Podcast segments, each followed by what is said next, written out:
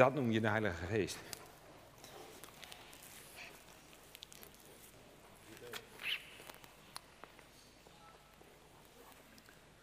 Wat een geweldige afstemming. Zonder dat je elkaar spreekt. Ja, dit is gewoon eigenlijk de inhoud van de preek al. Onvoorstelbaar. Onvoorstelbaar gewoon. Hij alleen. Ik wil samen met jullie lezen Colossensen 3, van 1 tot 17.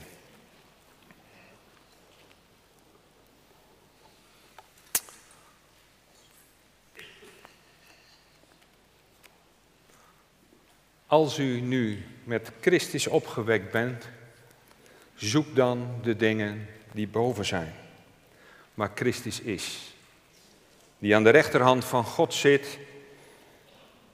Bedenk de dingen die boven zijn en niet die op de aarde zijn. Want u bent gestorven en uw leven is met Christus verborgen in God. En wanneer Christus geopenbaard zal worden, die ons leven is, dan zult u ook met Hem geopenbaard worden in heerlijkheid. Dood dan de leden die op de aarde zijn. Ontucht, onreinheid, hartstocht, kwade begeerte, hebzucht, die afgoderij is. Door deze dingen komt de toren van God over de ongehoorzamen. In deze dingen hebt ook u voorheen gewandeld toen u in die dingen leefde. Maar nu leg ook u dit alles af, namelijk toren, woede, slechtheid, laster, schandelijke taal uit uw mond. Liegt niet tegen elkaar, aangezien u de oude mens met zijn daden uitgetrokken hebt en de nieuwe mens aangetrokken, die vernieuwd wordt tot kennis over de, overeenkomstig het beeld van Hem die Hem geschapen heeft.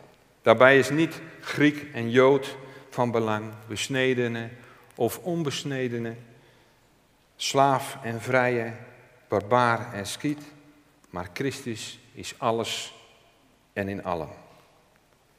Kleed u zich dan als uitverkorenen van God heilige en geliefde, met innige gevoelens van ontferming, vriendelijkheid, nederigheid, zachtmoedigheid, geduld. Verdraag elkaar, vergeef de een de ander. En als iemand tegen iemand anders een klacht heeft, zoals ook Christus u vergeven heeft, zo moet u ook doen. En kleed u zich bovenal in de liefde, die de band is van de volmaaktheid. En laat de vrede van God heersen in uw harten. Waartoe u ook in één lichaam geroepen bent. En wees dankbaar. Laat het woord van Christus in rijke mate in u wonen, in alle wijsheid. Onderwijs elkaar en wijs elkaar terecht. Met psalmen, lofzangen en geestelijke liederen. Zing voor de Heer met dank in uw hart. En alles wat u doet met woorden of met daden Doe dat alles in de naam van de Heer Jezus. Terwijl u God dankt door Hem.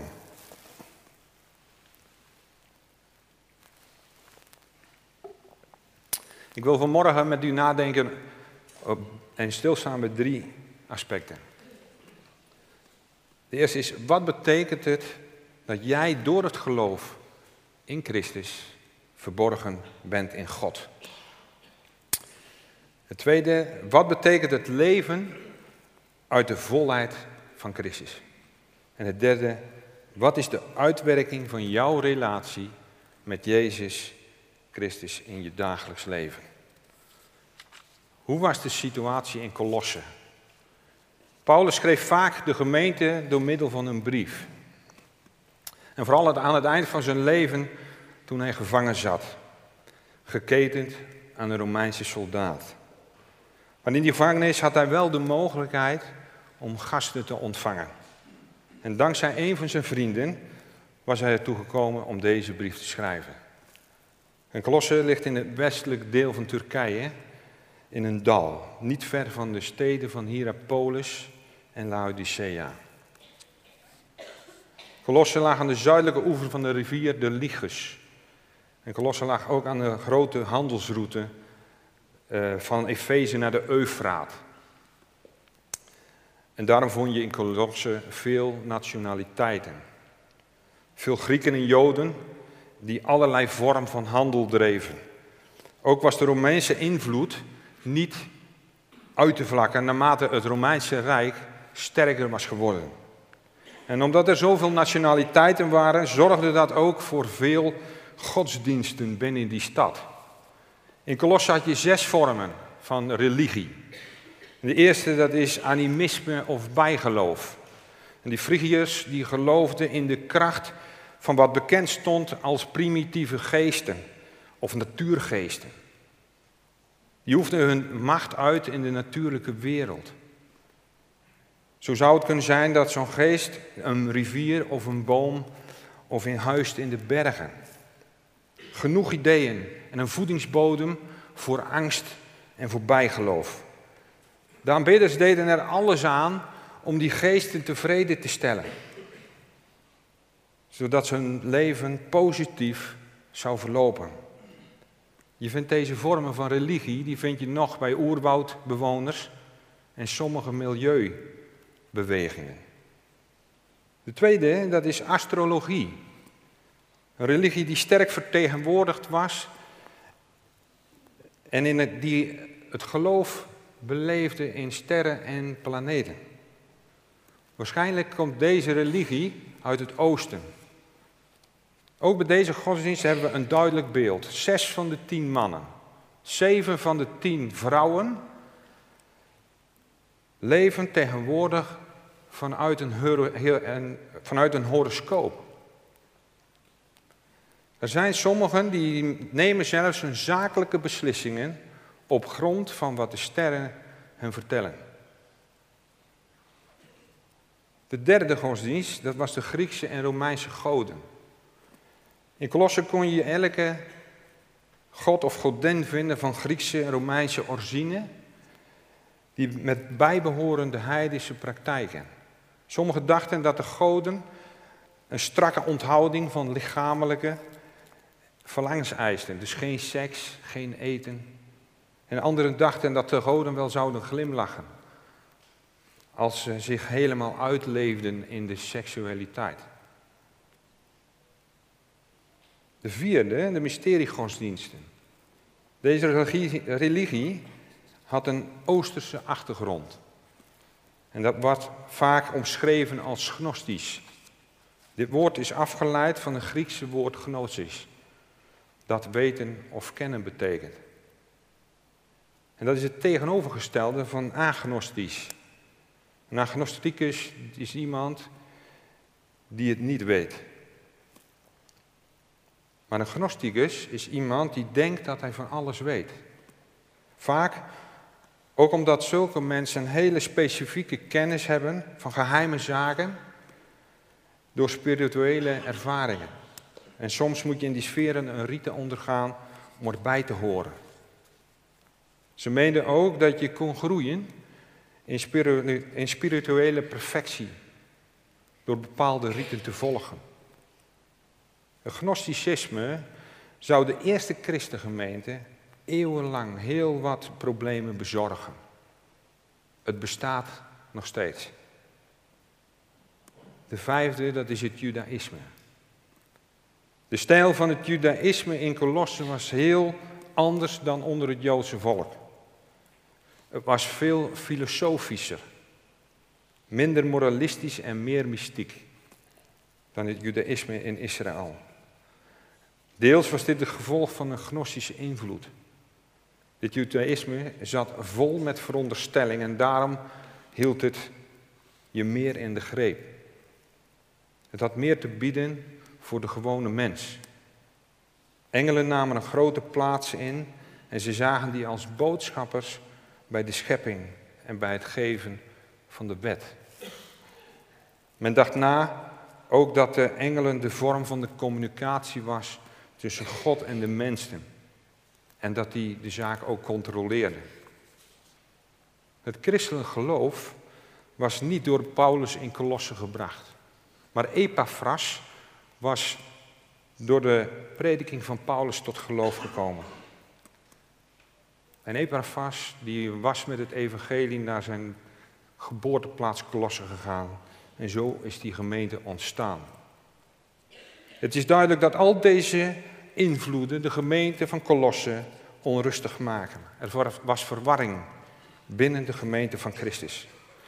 En Paulus maakt met zijn opmerkingen een punt richting de mix van religies en filosofieën. En hij gaat flink in tegen alle ideologieën van de cultuur in Kolossen. Tegenwoordig kennen we heel wat overeenkomsten in de New Age beweging. En toen hadden ze ook een mengeling van opvattingen en filosofieën, maar geen specifieke leer.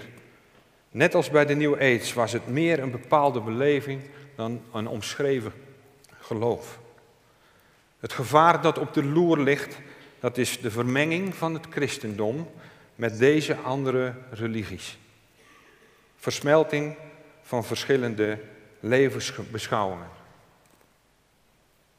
Godsdienstige opvattingen en inzichten zonder dat er volkomen eenheid ontstaat. En Paulus wist maar al te goed dat dit het doodsteek kon betekenen voor het geloof in de gemeente. En gaat met deze brief in tegen de lege en bedrieglijke filosofieën. Die beweerden dat ze de volheid en de vrijheid boden. Die ook de macht zouden hebben over deze boze geesten. En die vaak lang, voor langdurige vaste perioden opriepen. En hij zei dat de gemeente bedrogen werd. Dat ze niet langer geloofden dat Christus alles was. Die je naast hem niets en niemands meer nodig hebt. En van dit oogpunt heeft, heeft de brief van Paulus een hele belangrijke boodschap voor de gemeente van Christus vandaag. Wat we worden herinnerd aan de gevaren van allerlei religieuze praktijken die de gemeente van Christus binnendringen. We zien dat gelovige mensen vandaag, helaas ook in de kerk, vaak niet meer dan een ritueel bij de aandacht voor Christus en de Bijbel. Er sluipen vandaag ook allerlei praktijken binnen verwant aan de heidense rites en religies. Denk aan het boeddhisme. Ook gelovigen halen massaal deze Boeddha-beelden binnen en daarmee de visie achter de stille mediteerders. Om met objecten en meditatie tot rust in je geest te komen. Het is een heidense godsdienstrite. En Paulus bestreed de valse leraren met hun eigen wapens. Ze hadden het over de volheid die je kon bereiken door je aan rieten te houden. En Paulus gebruikt hetzelfde woord om Christus te beschrijven. En hij zegt, in hem woont al de volheid lichamelijk. In hem is de goddelijke volheid lichamelijk aanwezig.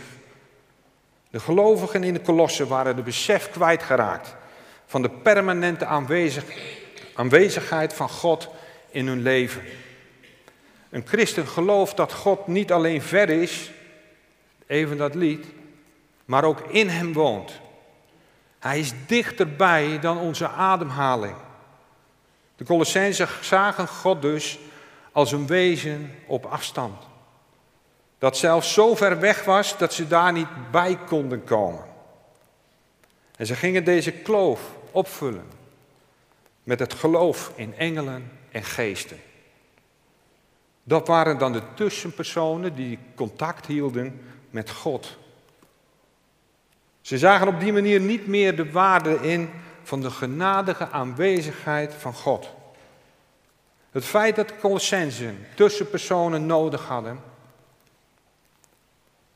kwam ook door de lage dunk die ze hadden van Jezus in hun denken. En dat weer als tegenhanger van hun te afstandelijke houding tegen God. Ze zetten Jezus op hetzelfde niveau als al die andere goddelijke wezens. Ze hadden losgelaten dat Hij de Heer van de schepping is. En dat Hij het hoofd is van de gemeente. Maar alle ogen van de geredde zondaar horen gericht te zijn op de verheerlijkte Jezus.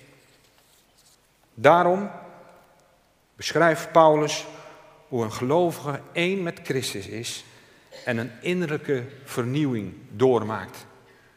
Alle uiterlijke dingen die de aandacht van dit proces afleiden, verliezen hun waarde. En waar sta jij nu? Besef jij dat de Heilige Geest in je woont? Heb jij een levende relatie met Jezus Christus? Hoe zie jij Christus nu in jouw geloofsleven? Leef je vanuit relatie of vanuit bijgeloof of vanuit angst? Afgelopen zomer sprak ik een predikant op de camping en hij vertelde me dat hij het heel erg vindt dat mensen in de kerk niet meer kunnen uitleggen wat ze geloven. Laat staan wie Jezus voor hen is. Hij zei, mensen zeggen wel, God is altijd bij me, of hij is mijn vriend, maar het is dan de vraag hoe ze met hem verbonden zijn. Als je niet kunt zeggen, Jezus is mijn Heer, mijn Verlosser, mijn Redder, mijn Opgestane. Deze broeder heeft zeer zeker een punt. Want we vinden het makkelijker om uit ons dak te gaan bij een doelpunt dan te vertellen wat Jezus voor ons deed en daar enthousiast over te zijn.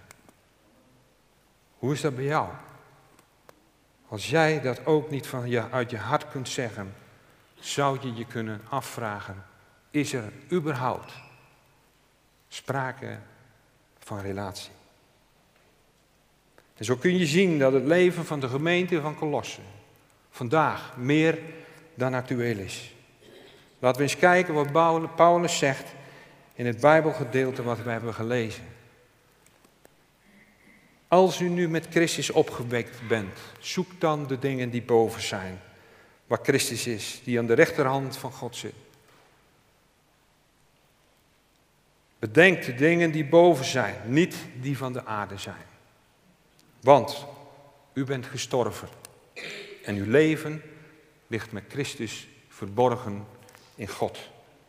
Als je door het geloof in de Heer Jezus Christus hebt aangenomen en je beseft wat het Hem heeft gekost, dat Hij de dood is ingegaan voor jou om de straf te dragen, dan ben je door dezelfde kracht waarmee Jezus opstond uit de dood, opgewekt met Christus. En Paulus zegt in Efeze 1, eigenlijk voortdurend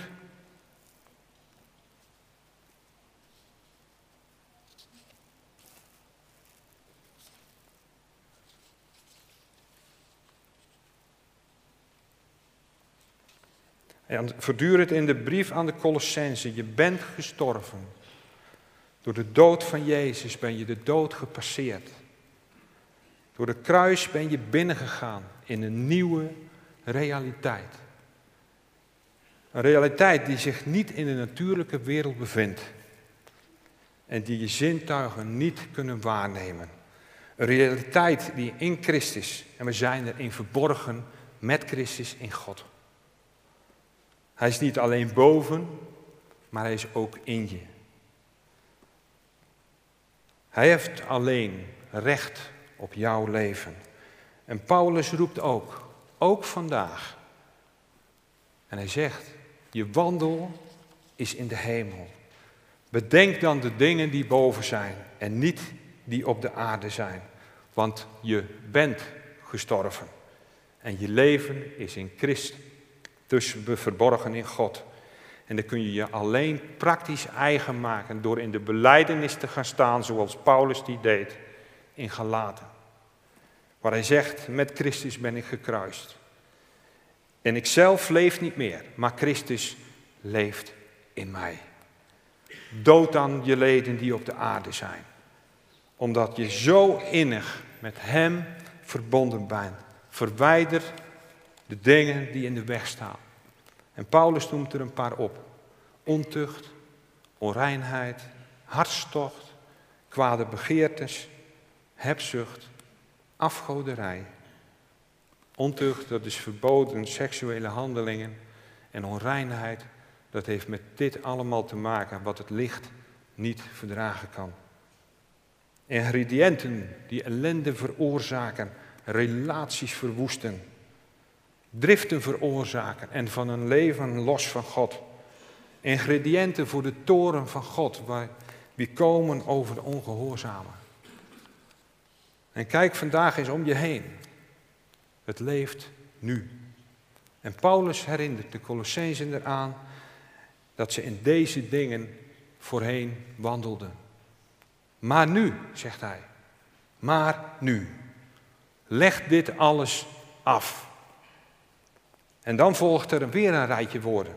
Toren, woede, slechtheid, laster, schandelijke taal, leugens.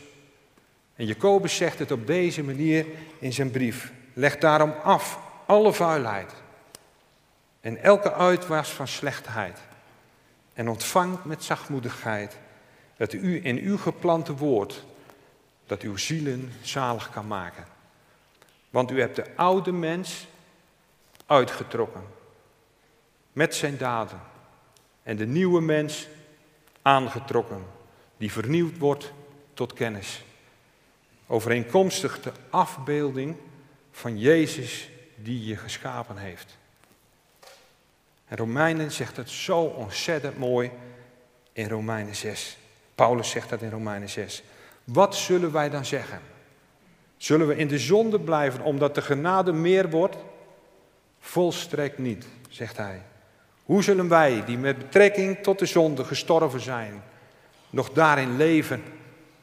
Of weet u niet dat wij allen die in Christus Jezus gedoopt zijn, in zijn dood gedoopt zijn? Wij zijn dan met hem begraven door de doop en de dood.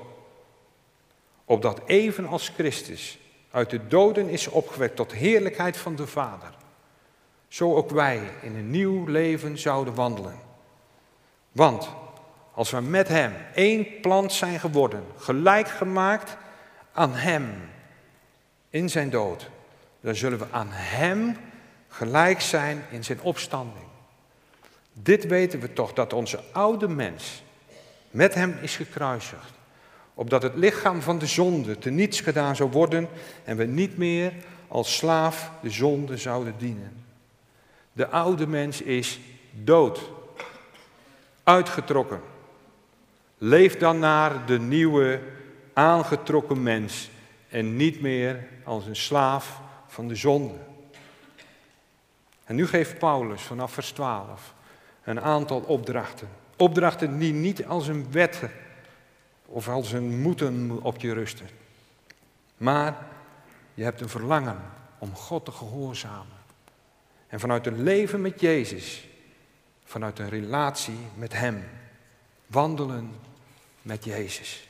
En het eerste punt wat Paulus maakt, dat is, kleed u zich dan. En letterlijk staat er, trek aan. Uitgekozenen van God, heiligen en geliefden, met innige gevoelens van ontferming, vriendelijkheid, nederigheid en geduld. Dat woordje geliefden, dat is afgeleid van het woord agape. En de agape-liefde gaat niet uit van de geliefde, maar van degene die lief heeft. Ze wordt niet gewekt omdat de ander zo aantrekkelijk is. De agape-liefde stelt geen voorwaarden. Bij zo'n onvoorstelbare liefde denk ik aan Jezus. Zonder één voorwaarde te stellen, heeft Hij zich weggegeven. De agape-liefde van Hem is een oeverloze, een liefde zonder grenzen. Zie je Hem voldoende als het middelpunt van je leven. Het is geen wonder dat die innige gevoelens van ontferming en vriendelijkheid, nederigheid, geduld bij de aangetrokken nieuwe mens. Je bent met Jezus verborgen in God. En deze liefdeuitingen zijn een identiteit van Jezus zelf. Je bent opnieuw zijn beelddrager, omdat je een nieuwe schepping bent. Je bent een lichtdrager.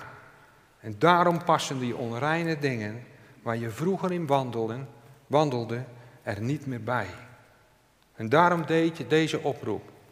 Kleed je dan, uitgekozen van God en heiligen van God, als aparte mensen, apart gezette mensen, als geliefden. Het tweede punt wat Paulus maakt is, verdraag elkaar en vergeef de een de ander. En als iemand tegen iemand anders een klacht heeft, zo moet u dat ook doen. En letterlijk staat er verdragende en genade aan elkaar gevende. Dit punt heeft te maken met de omgang met elkaar in de gemeente van Christus. De relatie die je met elkaar hebt. En Paulus maakt het nog sterker. Als iemand een klacht tegen je heeft, moet je hem of haar vergeven zoals Christus jou vergeven heeft. Nou, dit is best wel een dingetje. Want we strijden allemaal voor ons rechtvaardigheidsgevoel. Ik heb een voorbeeld. Heel veel mensen die vinden het onze Vader in de Bijbel een geweldige richtlijn voor gebruik. Maar beseffen we dat er een passage in staat die zegt: Vergeef ons onze schulden zoals wij dat doen. Als God zou vergeven naar aanleiding hoe wij dat doen, dan zouden we in de regel slecht afkomen. Maar Jezus stierf voor jouw zonde aan het kruis.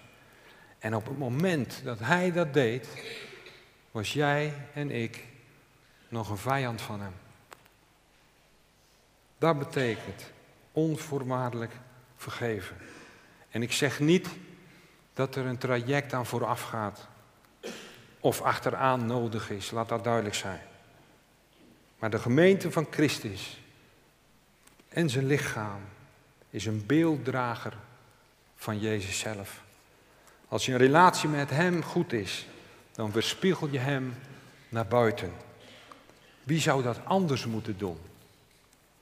En dan is de vraag, wat is er te zien van de gemeente van Christus? Zien ze dan Jezus of zien ze een groep mensen die als een vijandig gezinde, rollende menigte over elkaar heen rolt? Het derde punt wat Paulus maakt, dat is, kleedt u zich dan bovenal met de liefde die de band is van de volmaaktheid. Volmaaktheid kun je ook vertalen met volwassenheid. Ook hier kom je dat woordje agape tegen. Kleed je, doe als kleding de liefde aan. Met gevende, onvoorwaardelijke intentie. De liefde overwint alle dingen. Dat maakt het tot de band van de volwassenheid. Volwassenheid, dat zegt hier zoiets als dat je reageert vanuit een overdachte situatie. Dat je reageert vanuit de nieuwe mens.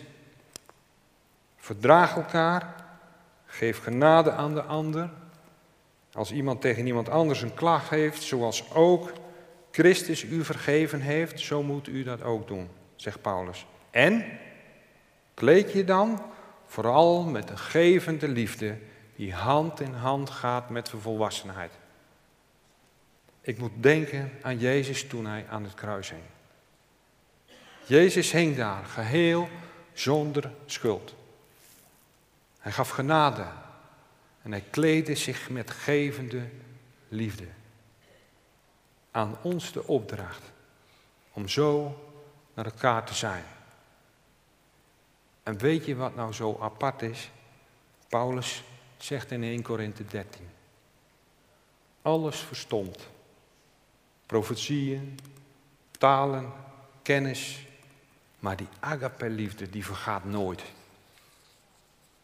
Het vierde punt wat Paulus maakt is, laat de vrede van God heersen in je hart. Waartoe u ook in één lichaam geroepen bent en wees dankbaar. Vrede kun je zien als een afwezigheid van oorlog, maar de vrede als vrucht van de geest houdt zoveel meer in.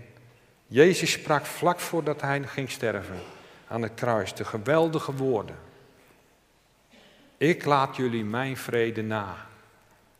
Mijn vrede geef ik jullie, zoals de wereld die niet geven kan.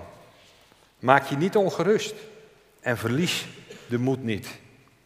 En Paulus zegt een tijdje later in Filippenzen 4, in de vrede van God, die alle begrip te boven gaat, zal uw harten en uw gedachten bewaken in Christus Jezus. En verder, broeders en zusters, al wat waar is, al wat eerbaar is, al wat rechtvaardig is, al wat rein is, al wat lieflijk is, al wat welluidend is, als er enige deugd is en als er iets prijzenswaardig is, bedenk dat. Wat u ook geleerd en ontvangen en gehoord en in mij gezien hebt, doe dat. En de God van de vrede zal met u zijn. Nog een keer. Wat u ook geleerd en ontvangen hebt en in mij gezien hebt, doe dat. Dat woordje heersen, daar staat in de Septuagint staat dat als scheidsrechter. Een voetbalscheidsrechter is een hoogst aangewezen persoon die toeziet op het toepassen van de spelregels. En nu staat er in de tekst, laat de vrede van Christus scheidsrechter zijn in uw harten. En dat omdat u geroepen bent in één lichaam. Christus is het hoofd van de gemeente. En de gemeente is het lichaam. Samen zijn hoofd en lichaam één. Geroepen in één lichaam. Verdraag elkaar en geef genade aan de ander. En als iemand tegen iemand anders een klacht heeft, zoals Christus u vergeven heeft, zo moet u dat ook doen. En kleed je dan vooral met die gevende liefde, die hand in hand gaat met de volwassenheid. Hoe dan? Liefde en genadegevend. Want je bent geroepen. En Paulus zegt in Gelaten 5, maar de vrucht van de geest is liefde, vreugde, vrede, geduld, vriendelijkheid en goedheid, zachtmoedigheid en zelfbeheersing. Wie Christus Jezus toebehoort, heeft zijn eigen natuur met alle hartstocht, met de begeerte aan het kruis geslagen. En wanneer de geest ons leven leidt, laten we dan ook die richting volgen die de geest ons wijst. Het vijfde punt wat Paulus maakt is, laat het woord van Christus in rijke mate in je wonen. In alle wijsheid. Onderwijs elkaar en wijs elkaar terecht. Met psalmen, lofzangen en geestelijke liederen. Zing voor de Heer met dank in uw hart. En Paulus wil keer op keer wil hij duidelijk maken. Richt je op Christus in de hemel. Christus is alles in al, en in alles. Allen. Laat je in je hart de vrede van Christus scheidsrechter zijn. Laat Christus woord in alle rijkdom in je wonen. Dat woord dat is niet alleen het woord over Christus, maar de Bijbel waarvan Hij, Christus, het hart is. En dan onderwijs en terechtwijzing. In de Bijbel in gewone taal staat deze tekst: gebruik al je wijsheid om elkaar uitleg en goede raad te geven. Ook dit heeft te maken met dat je in één lichaam geroepen bent. Het elkaar helpen om dicht bij Hem te blijven. En om Zijn woord in je te laten wonen. Daar heb je elkaar zo heel erg bij nodig. Pastoraat is iemand helpen met God te leven in de omstandigheden van dat moment. Als broeders en zusters troost je elkaar bij verdriet. Bemoedig je elkaar in moeilijke tijden. En spoor je elkaar aan wanneer iemand achterop raakt. Wat kunnen psalmen en liederen en lofzangen je daar ontzettend bij helpen. Zing voor de Heer met dank in je hart. En doe alles in de naam van de Heer Jezus en dank Hem en richt je op Hem. Jezus is het ultieme middelpunt. Hij alleen. Het zesde punt wat Paulus maakt. En alles wat u doet, met woorden of met daden, doe dat alles in de naam van de Heer Jezus. Terwijl u God de Vader dankt door Hem. Is Jezus jouw leven? Alles wat we doen, brengen we dat onder Zijn heerschappij. Ik ben eens geïnspireerd door een preek van Joop Rietman. En zijn thema was alles wat je doet. Doe dat met de focus op Jezus. Hij had deze PowerPoint-presentatie erbij. En ik was er door geraakt. En ik heb er een, een wandklok van gemaakt. Het is jammer dat hij niet heel goed te zien is. Maar als je goed kijkt, dan kun je precies zien dat daar woorden omheen staan. In het hart van de cirkel, daar staat Jezus in het kruis. Dit is gelijk het hart van de hele wijzerplaat. Het kruis zegt dat Hij het heeft volbracht en dat wij het niet hoeven te verdienen. Hij deed het voor ons. De uren, de minuten en seconden worden vanuit het hart aangewezen. Dat geldt ook voor de cirkel eromheen. Het geheel stelt een roer voor of een scheepsrad. die punten, daar hou je dan aan vast, zeg maar. En het moraal van deze klok is deze. Alles wat je doet of denkt, laat dat gericht zijn op Jezus. Je huwelijk, je hobby's, je plannen, alles. Je hele leven. Je kunt niet zonder Hem. De wijzer wijst vanuit het hart naar de buitenkant. Precies op het moment dat je zegt van ja, dit is actueel, hier heb ik mee te maken. De wijzers zeggen eigenlijk kijk naar mij. En tegelijkertijd zegt hij, ik ben het kompas in je leven. En het roer zegt, geef mij je roer in handen. Want je bent gestorven en je leven ligt verborgen met mij in God. Weet je, we hebben allemaal problemen met het fenomeen tijd. Het is vandaag de dag ronduit lastig om alles te plannen en iets op tijd uit te voeren. Tijd is betrekkelijk en zomaar voorbij. En als je niet uitkijkt, dan staat God op het laatste van het rijtje. Ik herken het. En het is verdraaid lastig. Vandaar deze klok. Om me te herinneren. Oh ja, Heer. Ik wil dit doen voor u. Zodat ik met mijn tijdsplanning naar Hem ga die tijdloos is. Weet je wat ik zo gaaf vind? Ik kan de hele dag met Hem praten over mijn huwelijk, over mijn kinderen, mijn zakelijke relaties, mijn carrière, mijn hobby's, onze gemeente. Want woorden en daden gaan hand in hand. En hij zegt, doe dat in de naam van de Heer Jezus, terwijl dat u God de Vader dankt door hem. En Paulus zegt in een paar versen verderop in dit hoofdstuk, wat u ook doet, doe dat van harte, alsof het voor de Heer is en niet voor de mensen. Want u weet dat, van de Heer, dat u van de Heer een erfenis als beloning krijgt. En dat zult ontvangen. Uw meester is Christus. Mooi hè? Uw meester is Christus. En we hebben vanochtend stilgestaan bij wat het betekent om met Christus verborgen te zijn in God. In een wereld vol van religie. En misschien ben je deze morgen aangesproken. Of ben jij degene die God als ver weg ziet? Dan raad ik je aan om hier niet erbij te laten zitten.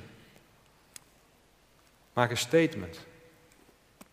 Deel het en ga niet weg om het erbij te laten zitten. We zijn samen één lichaam. Als één lid leidt, dan leiden we allemaal. Kom bij de broeders en zusters van het luisterend oor en deel je wat je mee rondloopt. Of bij een van ons hier in de hal straks of vooraan. En laat voor je bidden. Hij is een God van dichtbij. Misschien heb je vanochtend gehoord wat het is om met Hem verborgen te zijn in God. En moet je beleiden dat je aan de andere kant van de streep staat. Dan zeg ik, laat het er niet bij zitten. Maar kom naar ons toe. En laat voor je bidden. Hij is een God van dichtbij. Jezus is geïnteresseerd in heel ons leven. Hij wil ons helemaal. We zijn van Hem. Ik wil met jullie samen bidden.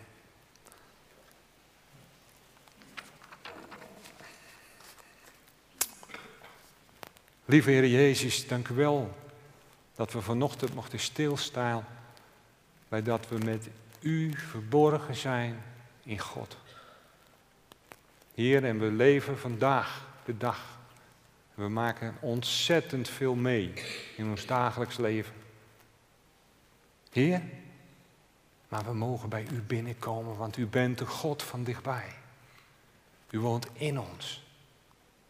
Heer, mag dit een bemoediging zijn voor vandaag, voor morgen, voor de hele week. Heer, want waar zouden we anders naartoe gaan? Want u hebt de woorden van eeuwig leven. Heer, dank u wel dat u een God bent die van ons houdt, die ons begeleidt, die ons helpt. Heer, u bent zo groot. We danken u voor wie u bent. Bent een God van dichtbij. Heer, ik wil bidden voor de mensen die u ver weg zien. Heer, wilt u ze tegemoet komen? Te laten zien dat u dichtbij bent, zodat ze door uw handen erop getild worden om een relatie met u te volmaken. Heer Jezus, dank u wel dat u het hoofd bent. Dank u wel dat wij mogen horen bij het lichaam. Heer, we prijzen u. In Jezus' naam. Amen.